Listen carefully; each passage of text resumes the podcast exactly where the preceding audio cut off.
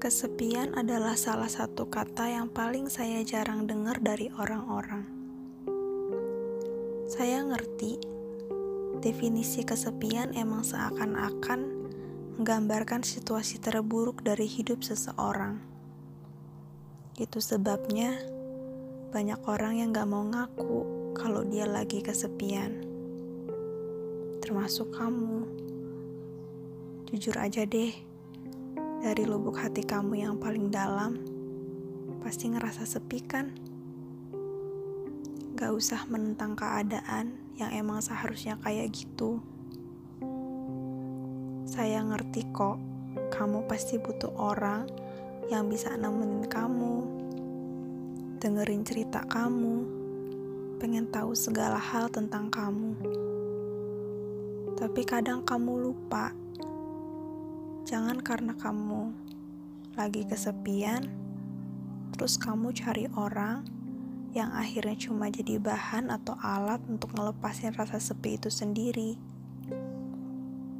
Kan yang kesepian bukan cuma kamu. Kan yang mau didengerin bukan cuma kamu.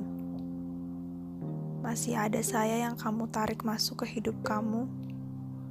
Kamu paksa dengerin semua yang keluar dari mulut kamu kamu paksa untuk nanya tentang hidup kamu. Bukan berarti saya nggak suka, tapi saya juga pengen cerita. Kalau saya senang kamu mampir ke hati saya yang saat itu emang lagi kesepian.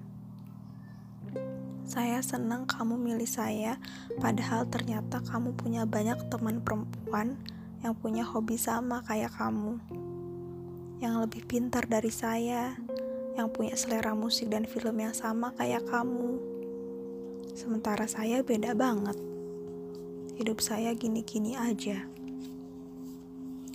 Kalau dipikir-pikir gak pantas sama kamu. Kamu jadi lebih dominan. Saya senang sih kalau kamu bisa jadi pemimpin yang baik nantinya. Tapi kan hidup gak bisa sendiri harus ada orang lain yang masuk dan melengkapinya lagi. Balik lagi ke definisi kesepian. Kelihatan banget kamu lagi kesepian waktu itu. Mata kamu yang memancarkan kebahagiaan dan tempo suara kamu yang menggebu-gebu bisa menggambarkan kalau kamu semangat banget cerita itu ke saya. Saya senang bisa dengar itu semua. Senang bisa jadi bagian dari cerita kamu. Walaupun belum selesai, masih menggantung. Tapi gara-gara cara kamu ngomong dan cerita ke saya, saya jadi langsung tahu kamu orangnya gimana. Ternyata saya cuma jadi telinga aja yang bisa nampung apa pun yang kamu ceritain. Dan kalaupun kita emang sampai sini aja, ada satu hal yang pengen saya sampaikan.